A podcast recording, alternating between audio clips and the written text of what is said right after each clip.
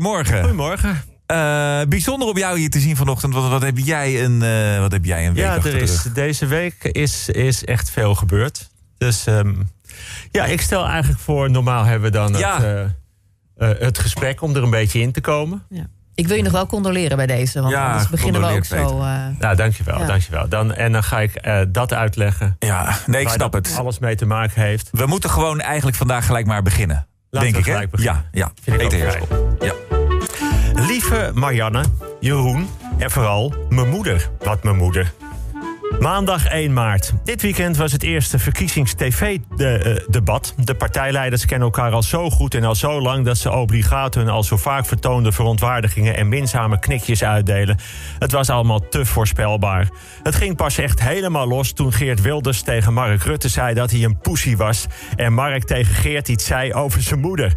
Oh, oh nee, dat was ergens anders. Dat was bij de wedstrijd PSV-Ajax.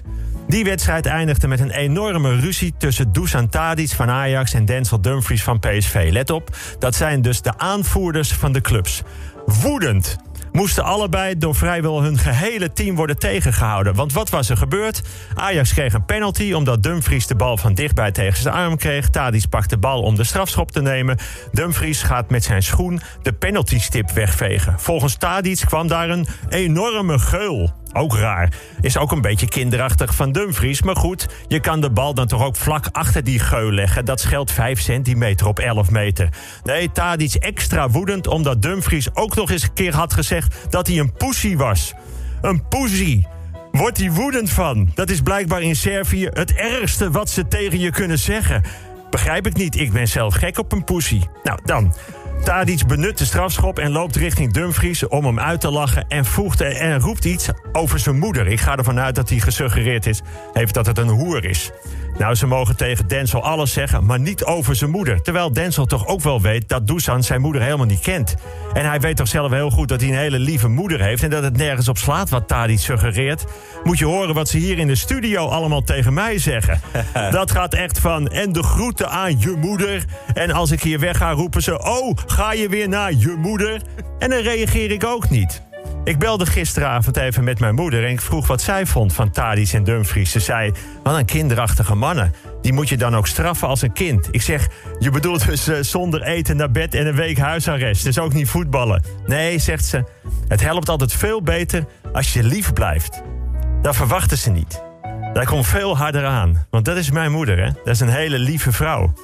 Dus dan komt het veel harder aan. Maar waarom worden mannen dan zo boos? En dan denk ik aan een lied van Jeroen van Merwijk. Die zingt: Een man moet af en toe gewoon eens iemand doodslaan. Bijvoorbeeld iemand met iets veel te kleins of met iets veel te groots aan.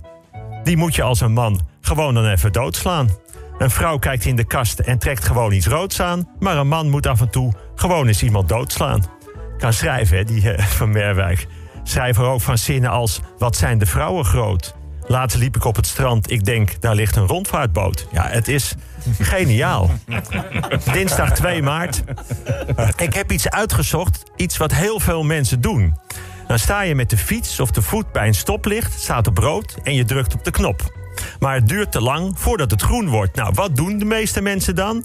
Juist, die gaan nog een keer op de knop drukken. Of nee, die gaan heel vaak op de knop drukken. Helpt dat? Denkt het stoplicht dan, wacht eens even... er staan hier heel veel mensen te wachten. Ik moet opschieten met groen worden. Nee, één keer op die knop is genoeg. En toch staan mensen achter je te roepen... heb je gedrukt, heb je gedrukt, druk nog maar een keer. En heel soms, na 48 keer drukken... en het duurt al twee minuten, komt er iemand van achteren die drukt... en ja hoor, pats groen. En door dit toeval denken mensen... dat je echt door een bepaalde manier van drukken groen kan krijgen. Maar dat is niet zo.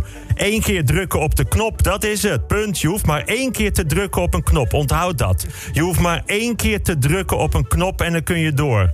En terwijl ik dit schrijf, komt er een appje binnen. Mijn collega-vriend Jeroen van Merwijk is dood. Veertien maanden geleden was ik nog bij een voorstelling van Jeroen. En dat bleek zijn laatste voorstelling te zijn geweest. Hij had wat last van zijn buik, zei hij. Hij zei: Ik ga er morgen maar eens naar laten kijken uitgezaaide darmkanker, nog iets meer dan een jaar te leven. Nou, die tijd was deze week blijkbaar om. De dood hield zich goed aan de afspraak. Jeroen wist afgelopen jaar dat hij dood ging. Ging hij bij de pakken neerzitten? Werd hij boos? Nee. Hij werd juist extra lief. En dat komt dus harder aan. Natuurlijk, Lief was altijd de laag onder zijn werk. Hij acteerde op het podium arrogant en bedweterig. Dat vond ik grappig. Dat was Jeroen op het podium. Daar voerde hij zijn strijd. Maar hij zei: Ik vind het ook wel een hoop gedoe. Altijd die strijd. Nou, die strijd was weggevallen. Hij kon eindelijk zeggen hoeveel hij van anderen kon genieten. Zoals een paar weken geleden. Hij belde mij. Hij had een lijst met vrienden en collega's waar hij afscheid van wilde nemen. En hij nam uitgebreid de tijd om te vertellen wat je voor hem had betekend. Wat hij mooi vond aan je. Onbekommerd lief. Dat komt hard aan hoor. Dat is zo ver weg van Poesie en wat mijn moeder. Wat mijn moeder. Wat mijn moeder. Ik blijf hangen in die zin. Ik hoor het maar hardop zeggen. Wat mijn moeder. Ja, wat mijn moeder. Want mijn zus belt. Ze huilt. En ik weet wat ze gaat zeggen.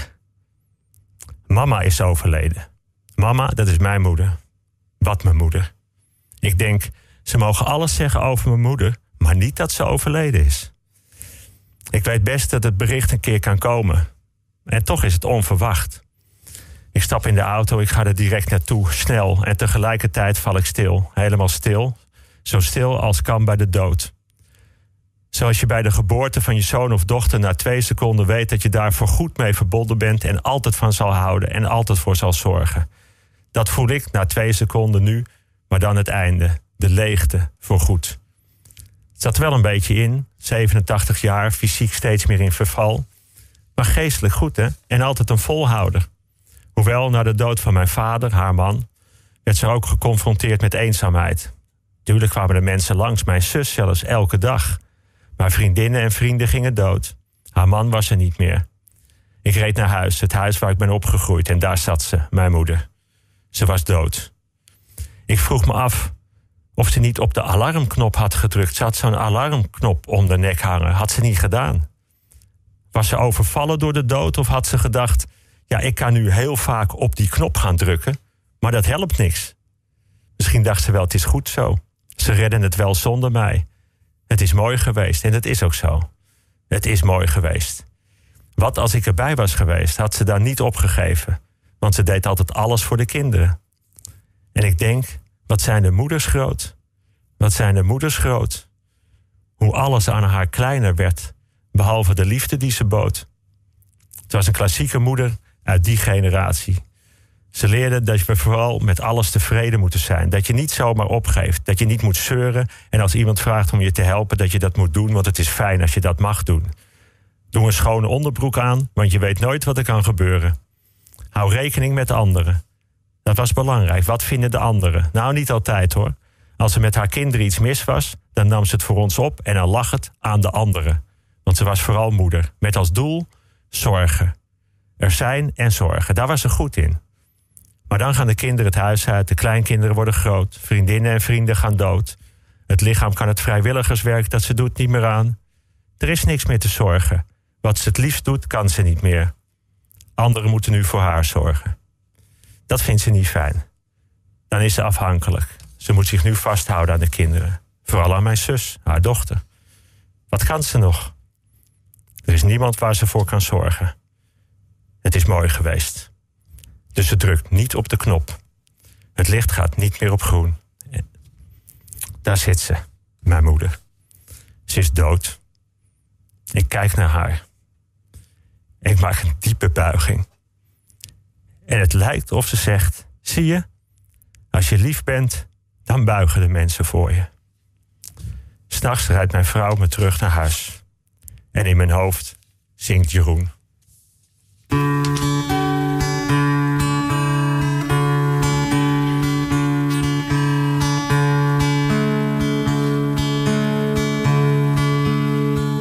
Ik draag geen foto van je met me mee. Daar durf ik openlijk vooruit te komen. Wat mannen met zo'n foto moeten, geen idee. Ik hoef je niet te zien, ik kan je dromen. Ik kan je zien van ochtends vroeg tot avonds laat. Er valt voor jou aan mij niet te ontkomen. Omdat je haar fijn op mijn netvlies staat. Ik hoef je niet te zien, ik kan je dromen. En als je lichaam ooit een keer niet naast me ligt. Maar bijvoorbeeld in New York, in Saint-Tropez of Rome. Dan doe ik af en toe gewoon mijn ogen dicht. Ik hoef je niet te zien, ik kan je dromen. Zelfs als je bij me weggaat, maakt dat niet echt uit. Ik heb mijn voorzorgsmaatregelen al genomen. En ik heb je zo weer terug als ik mijn ogen sluit. Ik hoef je niet te zien, ik kan je dromen.